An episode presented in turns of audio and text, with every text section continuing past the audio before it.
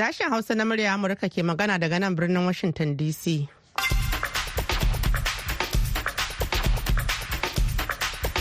Masu sauraro Assalamu alaikum da fatan an waye gari lafiya. Sunana Hauwa Sharif tare nake da dan mutan gumal sarfila hashin da sauran abokan aiki a wannan shirin na safiyar Juma'a biyar ga watan Janairun shekarar 2024. Kafin ku ji abubuwan da muke tafe da su gasar filin da kanin labarai. To hawa ƙungiyar ISIS ta ɗauki alhakin kai harin kuna bakin wake biyu da suka kashe mutane 84 a Iran. Jiya Alhamis ministan tsaron Isra'ila ya sanar da shirin ƙasar na shiga wani sabon mataki a yaƙin da take ci gaba da yi a tsirin Gaza. Daga nan za a ji cewa masana tattalin arziki na Majalisar Ɗinkin Duniya sun yi hasashen samun raguwar ci gaban tattalin arzikin duniya a wannan shekara. Kanan labaran kenan. Idan muka waiwayi rahotannin namu za ku ji yadda wasu 'yan Najeriya da suka hada da masana tattalin arziki da 'yan kasuwa suka riƙa bayyana ra'ayoyinsu game da batun da wasu 'yan majalisar dokokin ƙasar ke yi na ganin an fara amfani da kuɗin ƙasar sin wato china a kasuwar canjin kudade domin karya laggon dogaro da dala amurka. A fahimtar da mutane 'yan ƙasa da cewar ƙasar ce a gabansu ta kishin ƙasarsu a gabansu. Kada su dinga kallon ɓangaren su su dinga kallon ƙasar da baki. To muna fatan za a yi mana gafara domin ba wannan ya kamata a ce kun saurara ba. Muna kuma tafi da wata tattaunawa da masani a fannin ilimi da kan yi sharhi akan al'amuran yau da kullum dangane da matsalar rashin tsaro da waiwaye wato da ta yi wa najeriya daurin goro. Sai a kasance da mu a cikin shirin domin jin karin bayani akan waɗannan da masu sauran rahotanni da ke tafi a cikin shirin. Kamar kowace safiyar juma'a yau ma muna tafi da shirin manuniya wanda isa lawal ikara kan shirya ya kuma gabatar. Amma fa duk sai bayan an saurari kashin farko na labaran duniya. Jama'a salamu alaikum ga cikakkun labaran duniya. Kungiyar ISIS ta ɗauki alhakin kai harin kuna bakin wake biyu da suka kashe mutane 84 a Iran waɗanda suka taru domin tuna da janar Qasim Soleimani a bakin kabarinsa. Wanda wani harin jirgin Amurka maras matuki ya kashe shekaru huɗu da suka gabata. A cikin wata sanarwa ta fitar ta kafar sada zumunta ƙungiyar ISIS ta ce wasu 'yan uwa shahidai guda biyu sun nufi kabarin Soleimani da ke Karman a ranar Laraba a kudancin Iran.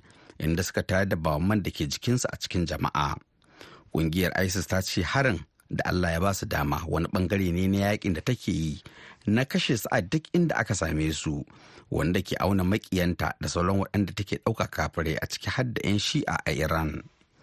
Suleimani wanda ya jagoranci rundunar Quds reshen dakarun kare juyin juya halin musulunci na Iran na ayyukan ƙasashen waje ya kasance babban makiyin ISIS ƙungiyar masu tsoron ra'ayi ta sunni da ta kai har-har a baya iran mafi yawan mabiya shi'a. Jiya alhamis ministan tsaron isra'ila ya sanar da shirin ƙasar na shiga wani sabon mataki a yaƙin da take ci gaba da yi a zirin gaza ciki hada dabarun kai hari a arewacin ƙasar a cikin wata sanarwa da ofishin ministan tsaron yoav gallant ya fitar na cewa a yankin arewacin zirin gaza za su koma ga wani sabon salon yaƙi bisa ga nasarorin da sojoji suka samu a ƙasa. An tsara dabarun da za su haɗa da kai hare-hare ruguza ramukan ƙarƙashin ƙasa tare da hare-hare ta sama da ta ƙasa da kuma ayyukan dakaru na musamman ji galant isra'ila ta fara yaƙin soja na kawar da ƙungiyar hamas bayan da mayaƙan suka tsallaka zuwa kudancin isra'ila ranar bakwai ga watan oktoba. An sako wasu daga cikin waɗanda aka yi garkuwa da su yayin da kusan 130 ke ci gaba da zama a gaza. Jami'an kiwon lafiya na gaza sun ce sama da falastina 122,400 aka tabbatar da kashe su yawancinsu mata ne da yara ƙanana a farmakin da sojojin isra'ila ke kaiwa zirin gaza. A ɗaya ɓangaren kuma sakataren harkokin wajen amurka a tony blinken ya nufi yankin gabas ta tsakiya da yammacin jiya alhamis a daidai lokacin da ake ƙoƙarin ganin an kai ɗaukin gaggawa a yankin gaza. Biyu bayan matsin lamba da ƙasashen duniya ke ci gaba da yi wa isra'ila na ta rage asarar fararen hula na falastino wannan ita ce ziyarar blinken na huɗu a gabas ta tsakiya ta ranar bakwai ga watan oktoba kuma na zuwa a daidai lokacin da yaƙin isra'ila da hamas ke dab da cika watanni uku amurka da birtaniya tarayyar turai da sauransu sun sanya hamas a matsayin ƙungiyar ta'addanci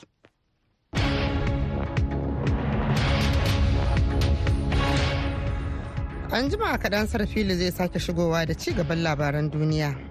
Kafin nan bari mu shiga Abuja babban birnin Najeriya inda Alhassan Bala ya labarta mana yadda wasu masana tattalin arziki da 'yan kasuwa a ƙasar suka riƙa tofa albarkacin bakin su dangane da kudurin wasu 'yan majalisar dokokin ƙasar na ganin an karya laggon babakiran da dala Amurka ta yi a kasuwar canji ta yin amfani da kuɗaɗen ƙasar Sin wato China kamar da yadda za ku ji cikin wannan rahoton da ya aiko mana. Inusa Suleiman Kalo ɗan kasuwa ne da ke shigo da motoci daga ƙasashen waje shekara da shekaru.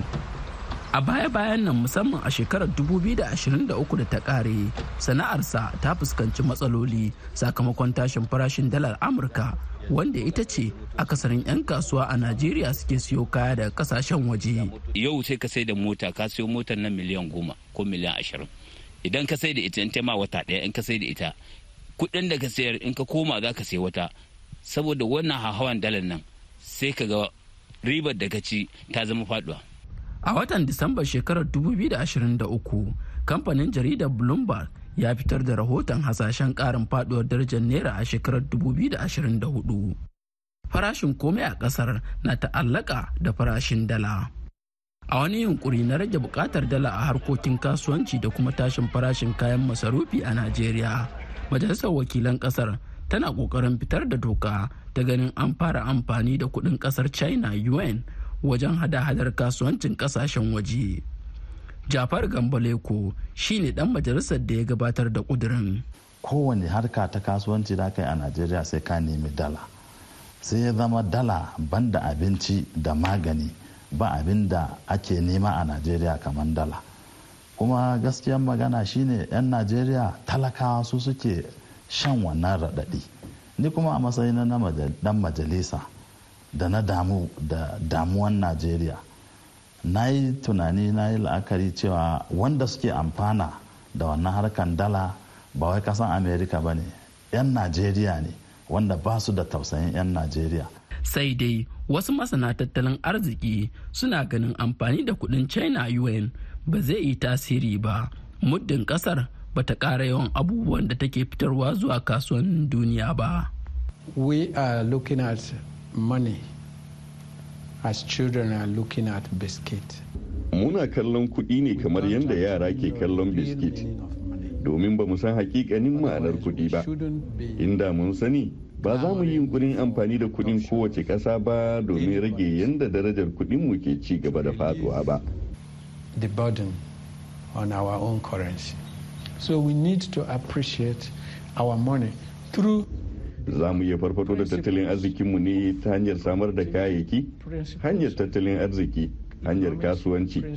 idan ba haka ba duk ƙasar da muka ɗauki kudinta za mu koma gidan jiya ne kawai.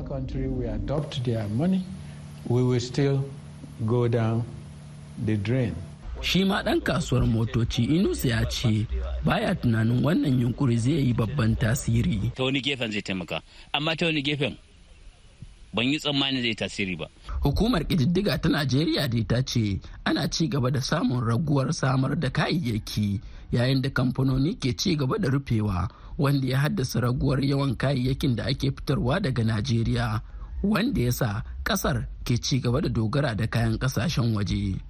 Alhassan Bala, taskar VOA, Abuja, Najeriya.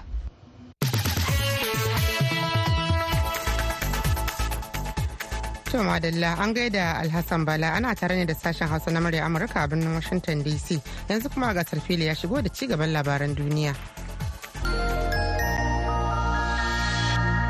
Afirka ta kudu ta shigar da yankin gaza gaban wata babbar kotun duniya tana mai zargin isra'ila da kisan kare dangi a wata doguwar takardar korafi da ta shigar kuma kotun duniya na shirin sauraron shari'ar a mako mai zuwa. Isra'ila ta shigar da karar ya kasance zargi maras tushe kuma fadar white house ta yi watsi da shi a matsayin mara inganci. Fiye da falastina dubu ashirin da biyu ne suka halaka tun bayan da isra'ila ta fara kai wa gaza hari a cewar ma'aikatan lafiya ta gaza. A baya dai jami'an amurka sun nuna shakku kan waɗannan alƙaluman lura da cewa ma'aikatar ta hamas ce ke tafiyar da ita. Ƙungiyar da aka zaɓa domin gudanar da mulkin gaza kuma reshinta da ke ɗauke da makamai ne ya kaddamar da wani mummunan hari na bakwai ga watan oktoba isra'ila wanda ya sanadin mutuwar mutane sama da dubu biyu. Masana tattalin arziki na majalisar ɗinkin duniya suna hasashen samun raguwar ci gaban tattalin arzikin duniya a wannan shekara yayin da murmurewa daga cutar covid-19 ta kasance da mabambantan sakamako a duniya. Kuma wasu al'amura kamar sauyin yanayi da rikice-rikicen yankuna na iya lalata ci gaban. Babban rahoton majalisar ɗinkin duniya na halin tattalin arzikin duniya ke cikin 2024 da aka kaddamar ranar alhamis. Ayyukan ci gaban tattalin arzikin duniya zai ragu daga shekarar 2023 da aka yi kiyashin da kashi 2.7 cikin 100 zuwa kashi 2.4 cikin 100 a bana. Ƙasa da adadin ci gaban da aka samu kafin barkewar annobar da kashi 3 cikin 100. Shantanu Makarji, daraktan sashen nazarin tattalin arziki da manufofi na Majalisar Ɗinkin Duniya, ya ce ƙasashen da suka yi abin kirki a shekarar 2023 su ne manyan ƙasashe masu ƙarfin tattalin arziki musamman amurka har ma da brazil da india da ma mexico daga ƙarshe amurka ta faɗa jiya alhamis cewa tana sa ran gudanar da zaɓen wato tana sa ran a gudanar da zaɓen ƙasa mai zuwa a pakistan cikin gaskiya da adalci da bin dokokin ƙasa. A ranar takwas ga watan fabrairu ne al'ummar kudancin asiya mai yawan mutane miliyan 241 ke shirin gudanar da zaɓen 'yan majalisar dokoki a ranar takwas ga watan fabrairu. Sai dai tsarin na demokaradiyya ya sha fama da zarge-zargen tafka magudi a gabanin zaɓen mai magana da yawon ma'aikatar harkokin wajen amurka matthew miller ya shaida a wani taron manema labarai a birnin washington cewa bai kamata amurka ta bayyana pakistan takamaimai yadda za ta gudanar da zaɓen ta ba amma suna son ganin an gudanar da zaɓen cikin 'yanci da adalci da lumana wanda ya hada da 'yanci da fan albarkacin baki da gudanar da taro da kuma gudanarwa cikin lumana duk a cikin tsari na demokuraɗiyya mai fa'ida. Labaran duniya aka saurara daga nan sashen hausa na murya amurka a birnin washington dc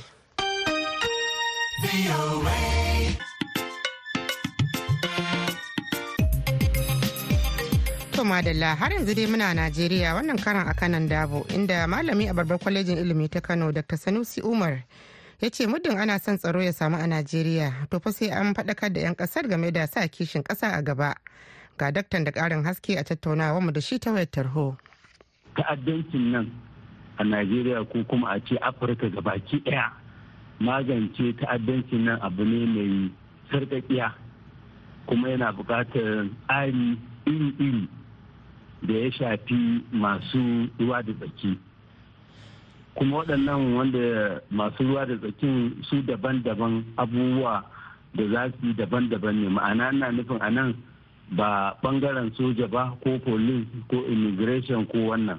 A'a kowa al'umma ga baki ɗaya wadda wannan abin ya shafe su to sai sun ba da nasu wato tayo ɗin da taimako akan bisa wannan matsala da ta addaba al'umma a wannan lokaci. Amma mafi a'ala wadda za a kalli wannan matsalar shine gwamnatoci. Misali a ƙasa najeriya akwai makwabtanta to waɗannan makwabtan sai an samu haɗin kansu wanda ba irin yadda ake yi ba ne.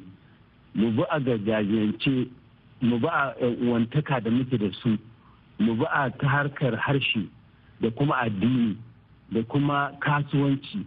Da ya muke zaune aka zauna lafiya babu irin waɗannan abu kuma me yanzu ya kawo su.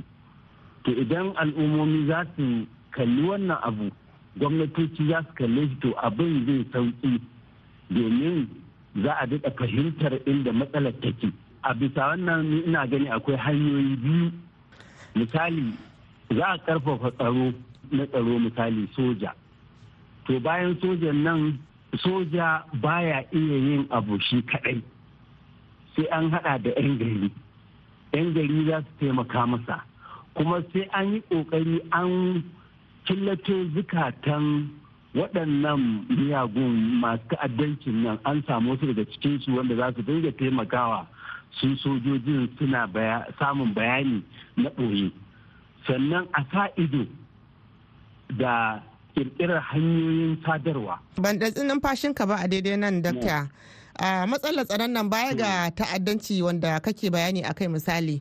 To su kuma irin kisan mummuke da zaka samu ana ma juna a tsakanin cikin gida ita kuma wannan matsala ya kake gani ya kamata a ce an bi wajen samar da zaman lafiya tsakanin su kansu tsakanin su al'umma da zaka ga wancan ila ana ma juna kisan mummuke da sauransu wanda shi ma al'amari ne da a iya cewa ya addabi Najeriya kuma matsala ce ta tsaro. Wannan kuma wannan kuma haɗin kai ne gwamnatoci za su yi misali jihohi da al'umma a fahimtar da mutane 'yan ƙasa da cewar ƙasar ce a gabansu sa kishin ƙasar a gabansu. Kada su dinga kallon ɓangaren su su dinga kallon ƙasar ga baki ɗaya. Wannan in kan kowa ya fahimci kansa to ya san ba wai al'ummarsa kawai yake wa aiki ba inda ya fito ɓangaren da ya fito ko layin da ya fito ko jihar da ya fito ko unguwar da ya fito ba nan ba. A'a ƙasar za ka sa a gabanka. Kaka kalli addinin ka kawai. Ka kalli ai da addinin ka ya ce ka yi uwantaka da wani wanda baya wannan addinin. Kaka kalle shi shi wannan mai addinin ko wannan wanda yake wata ƙasa ba taka ba ko yake wani addini addini ba naka ba ka ce sai an bi naka ba za a bi nashi ba. Sai ka kalli kowane addini ai ya faɗi yadda za ka zauna da wanda baya wannan addini naka. To ya za ka ajiye shi gefe kuma ka ce za ka zauna lafiya? Saboda haka kai ma musulmi ka gane cewar mai addini kaza akwai yadda aka shimfiɗa ma za ka zauna da shi. Sannan a gargajiyance inda aka haife ka akwai mu'amala ta shekaru ɗaruruwa wadda kakannin kakanninka suka zauna da makwabtansu ba yaƙi ba wasu abubuwa. Ma an yaƙi an samu hanyar da aka samu sulhu to yaya wannan lokaci kai ba za ka yi ba ka bi wannan hanyar? To sannan ita gwamnati ita ce za ta tsara hanyoyin da za a samu waɗannan haɗin kan. Sannan sannan kuma gyaran shari'a. Shari'o'i da ake yi a al'umma a wannan lokaci ta samu tasgaro.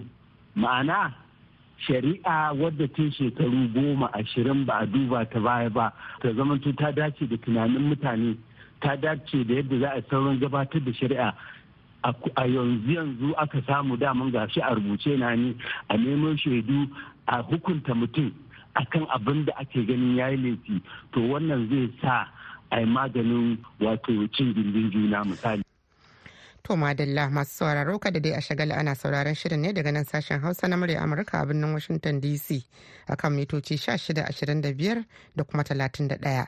A jamhuriyar Nijar kuma za a iya sauraron mu a tashar mata VOA Africa akan mita 200.5. Baya ga haka a koyaushe ake so za a iya zuwa shafukanmu na intanet a voahausa.com ko kuma sashen hausa.com. Yanzu kuma lokaci ne da za a saurari shirinmu na gaba. Manuniya.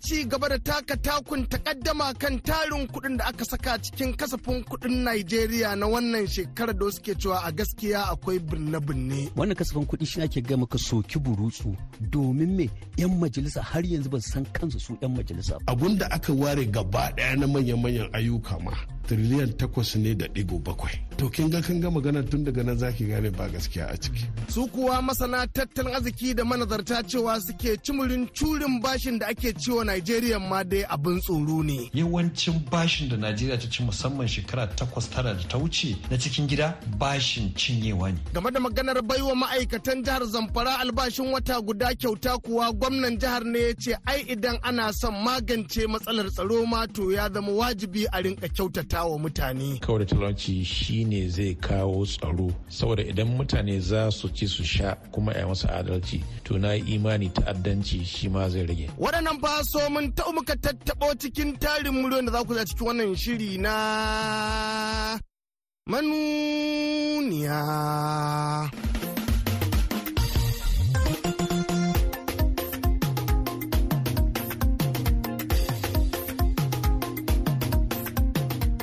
Mai sauraro Assalamu alaikum barkamu da wannan lokaci kuma sanin da sa'ar sake saduwa a cikin sabon shirin manuniyan da duk ranar Juma'a ne kukan ba mu aran kunne. Shiri na ɗari da hamsin da ɗaya cikin jerin shashiren manuniya amma fa na farko cikin sabuwar shekarar da in Allah ya yarda babu haƙƙin wanda za a danne. Mai yiwuwa kuma ƙoƙarin dangar dangace danne haƙƙoƙin wasu 'yan yankuna a Najeriya ne ya sa wasu masana ke kukan cewa a kasafin kuɗin fa akwai kwane-kwane. Sai dai kuma tuni aka ji sanata Ali Induman da ke cikin 'yan kwamitin kasafin kuɗin masajjan tare Najeriya na gaya wa duniya cewa ai duk zarge-zargen da ake yi kan kasafin kuɗin gaibu ne. mun ƙara kasafin kuɗin da kaɗan amma duk sauran abubuwan da shi shugaban kasa ya zo da su hakan muka yi bisa dalilai guda biyu ko uku. Na farko wannan shine farkon kasafin kuɗin da shi shugaban kasa ya kawo. Muna so mu bashi benefit of doubt. Tunda yana gaggawan akan ya yi abun a zo a gani to mu sai mu bashi dama mu je mu gani. To shi yasa muka zo na kinga har wato magariba har muka wuni har ranar asabar muka dawo mu yi aiki don mu tabbatar da cewa an gama da kasafin kuɗi ƙarshen ma su kamar ciyaman nawa da ciyaman na can majalisar wakilai. Ina jin sun san kwana biyu ko uku ba zai barci ba. To ina wata takaddama da aka ce ya faru aka ce an ba shiyar kudu kudade masu tsoka amma arewa ba a bata komai ba. shi kasafin kuɗin nan da aka kawo shi shugaban kasa ya kawo abun da aka ware gaba ɗaya na manyan-manyan ayyuka ma tiriliyan takwas ne da ɗigo bakwai. To kin ga kan ga magana tun daga nan zaki gane ba gaskiya a ciki. Amma muna kan bincike. Ni dai ina tabbatar ma mutane cewa mu yan arewa da muke majalisar dattawa har ma da kai na wakilai ba za mu zauna a nan a cutar da arewa ba Shi ma dai shugaban kwamitin kasafin kuɗi a masar wakilan tare Nigeria Honorable Abakar Bichi ya ce duk abubuwan da aka kunshe cikin kasafin kuɗin abubuwa ne da ke bayyane. Um, abin da muka cimma shine naira tiriliyan 28.7 kuɗi na Daga ina aka samu ƙarin? An samu ƙari daga lissafin da muka duba wanda shugaban kasa ya kawo farashin dala akan naira 750 wanda muka duba kuma kowa ya sani kuma kun sani cewa ko yanzu take ji kasuwa dala tana naira 1200 so wannan mun sa mun ƙara naira 50 akan kowace dala zuwa naira 800 kuma hukumomi na gwamnati masu tara kuɗaɗe irin su NPA da su custom mun kira su mun ce kuɗin da suke kawa na haraji ba su isa ba. Ya kamata lai su ƙaro kuɗaɗe don al'umma aiki. Kuma sun tabbatar mana cewar za su iya ƙara kuɗi har naira biliyan 700 so haka muka samu ƙarin naira tiriliyan ɗaya da ɗigo biyu kuma waɗannan kuɗaɗe duk an sa su ne a manya-manyan ayyuka a manya-manyan ma'aikatan gwamnati. Amma akwai wasu jihohi fa da suka yi korafin cewa babu wani abu da aka samu su a kasafin kuɗin bana. To wannan kisan mutane su faɗa amma ina tabbatar miki akwai masu maganganu na propaganda ba gaskiya ba ne da suka haɗa lissafin manyan ayyuka suka ce tiriliyan sha bakwai to kuma duka ma manyan ayyuka abin da aka ware a duka budget din tiriliyan tara ne so da haka daga nan za ki gane cewa maganar ba gaskiya ba ne. Maganar matsalar kasafin kuɗin na bana amma a jihar Kaduna kuma ita ce ta taso barista Muhammad Ibrahim Zariyan da ya ce ai kammala karatun kasafin da rattaba mai hannu cikin kwanaki uku kacal ya nuna akwai abubuwan da aka yi su a kudindine. wannan kasafin kuɗi shi ake gama ka soki burutsu domin me? Yan majalisa har yanzu ba su san kansu su yan majalisa ba. Amma ai akwai fahimtar juna ne ba magana fahimtar ba magana fahimtar juna a gwamnati. Ana maganan check and balance ne. Ana maganan ka kalli abin da yake yana kan doka ko ba shi a kan doka. Ta ina za a kawo kasafin kuɗi cikin kwana uku da kawowan shi har da sa hannu. Wannan ya saba ma hankali ya saba ma tunani ya saba ma tsarin demokradiyya na cewar gwamna daban ko shugaban kasa daban majalisa daban ɓangaren shari'a daban. Amma cewa kuke ina a zauna a fahimci juna wannan kila kafin a kawo kasafin ma duk an fahimci abin da aka ba shine ake maka taɗi ba. Sun zauna sun karanci yadda kasafin kuɗin bare ya kasance an samu canjin yanayi. Yanzu kasafin kuɗin gwamnatin tarayya ai akan dala saba'in da bakwai aka yi. Amma mai nawa ake saida? Sai ka mai ya sauko ganga dala saba'in da huɗu zuwa saba'in da uku. To kaga irin abin da ake gudu kin shi aka ce sarsashe ne. To su kansu bare wannan yan karan kaɗamiya ba fahimta shugabannin majalisa ba ne ina shugaban majalisa? Ai wannan fa shi dan majalisa dan amma ya majalisa za a yi ka ce ba shugaban majalisa bayan an kai shugaban majalisa? To waye shugabanci majalisa? Shirme ne ba tsarin mulki ba ne ba doka ba ne dole sai da sifika rantsatsen sifika deputy speaker ne. An ce kar an kasa zaɓi sifika ku zauna kai kun zama raƙumai da akala? Kun manta ku yan majalisa ne kuna da- riƙe da ɓangaren gwamnati ne na daban wanda tsarin mulki ya kafa ku? Sai dai su masu bibiyar yadda ake gungura gwamnati irin su dabta faruk bibi faruk na jami'ar abuja cewa suke ciyo curin bashin da ake wa nigeria ne yasa kullum ake ta faman ganin tatsugune tabbas shi bashi yanda yake a najeriya abin tayar da hankali ne kuma abin tsoro ne. Makomarmu da irin wannan tafiya ta bashi na triliyoyi irin wannan masu ɗumbin yawa ba ta nuna wato hanya mai bullewa kuma abu ne wanda idan muka ga yadda duniya ta sa gaba da irin wannan al'ada da muka ɗauka na wato karɓan bashi to a gaskiya muna da babban matsala wacce ba za a iya wato tsinkayar yadda za a fita daga cikinta ba.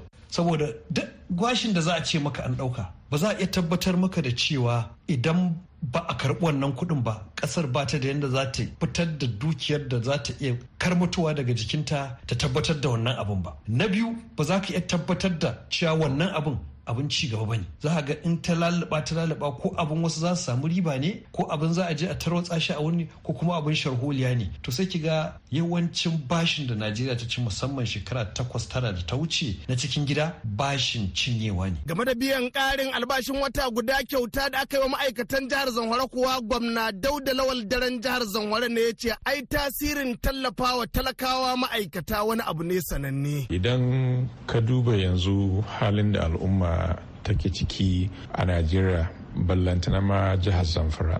Dole ne ka yi yunkuri ka ga wace hanya za ka bi don taimaka ma al'umma. Shi sa na ce lalle lalle a biya wannan albashi. To amma ina aka samu kuɗin ƙarin ko ba da wannan albashi na wata sha uku da kuka kira shi? Kamar yadda aka sani mun samu kanmu cikin wani irin mawuyacin hali na halin kaka za mu ballantana ta harkar kuɗi. To amma alhamdulillahi mun bincika da ga cewa dai ya kamata duk da wannan rashin da ake da shi mu yi wani hubbasa wanda al'umma za su daɗi wanda zai kawo sauƙi a rayuwarsu.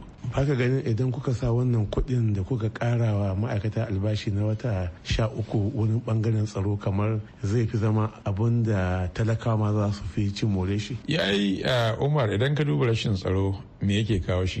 Talauci. Saboda haka wa'annan yana ɗaya daga cikin hanyoyin da za mu bi don kau da talauci kuma wannan kau da talauci shine zai kawo tsaro saboda idan mutane za su ci su sha kuma a masa adalci to na imani ta'addanci shi ma zai rage.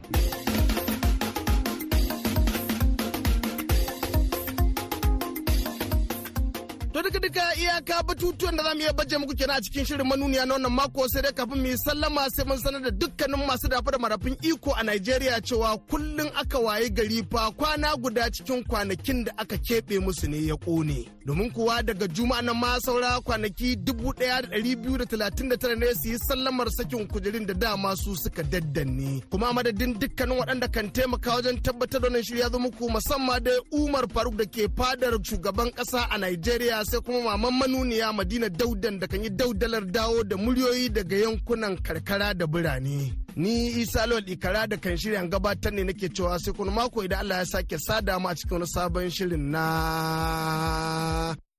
manuniya.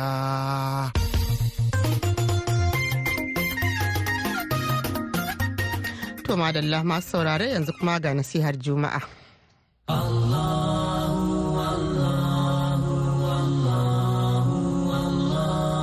أعوذ بالله السميع العليم من الشيطان الرجيم بسم الله الرحمن الرحيم وصلى الله على النبي الكريم وبعد sunana Fani bin Saleh nasihata ita ce kowa ya zauna lafiya Allah subhanahu wa ta'ala ya umarci bayi kada su yi fasadi a bayan ƙasa kar su kawo barna kar su kawo tashin hankali fala tufsidu fil ardi ba'da islahiha a maimakon haka mu dinga addu'a fad'uhu khawfan wa tama'a mu dinga addu'a muna neman taimakon Allah. Wannan shine abin da zai zama wani mafita a wannan ƙasa tamu. Dukkan wani mai neman fitina dukkan wani mai neman tada rigima bai fi ƙarfin Allah ba. Saboda haka dama amfanin da ƙasar take samu na zaman lafiya da kaucewa dukkan waɗansu abubuwa da ake haddasawa addu'a ne na bayan Allah. Da haka 'yan uwan musulmi a ci gaba da addu'a. Wassalamu alaikum.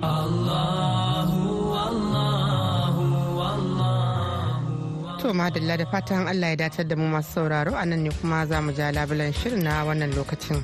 Sai idan Allah ya kai mu an jima can da hantsi da ƙarfe 8 agogon Najeriya da Niger wanda zai daidai da ƙarfe bakwai agogon gmt da ghana za a ji mu ɗauki da wani sabon shirin. Yanzu a madadin dukkan waɗanda suka ba da gudunmawa ga kammalawar shirin musamman sarfila hashin da ya taya ni gabatar da shirin da editan mu ta wannan lokacin grace alheri audu sai daɗi bilawe da ya ba da umarni da injiniyan namu na yanzu musa kelvin ford hawa sharif muku fatan alheri daga nan birnin washington dc sai an ku.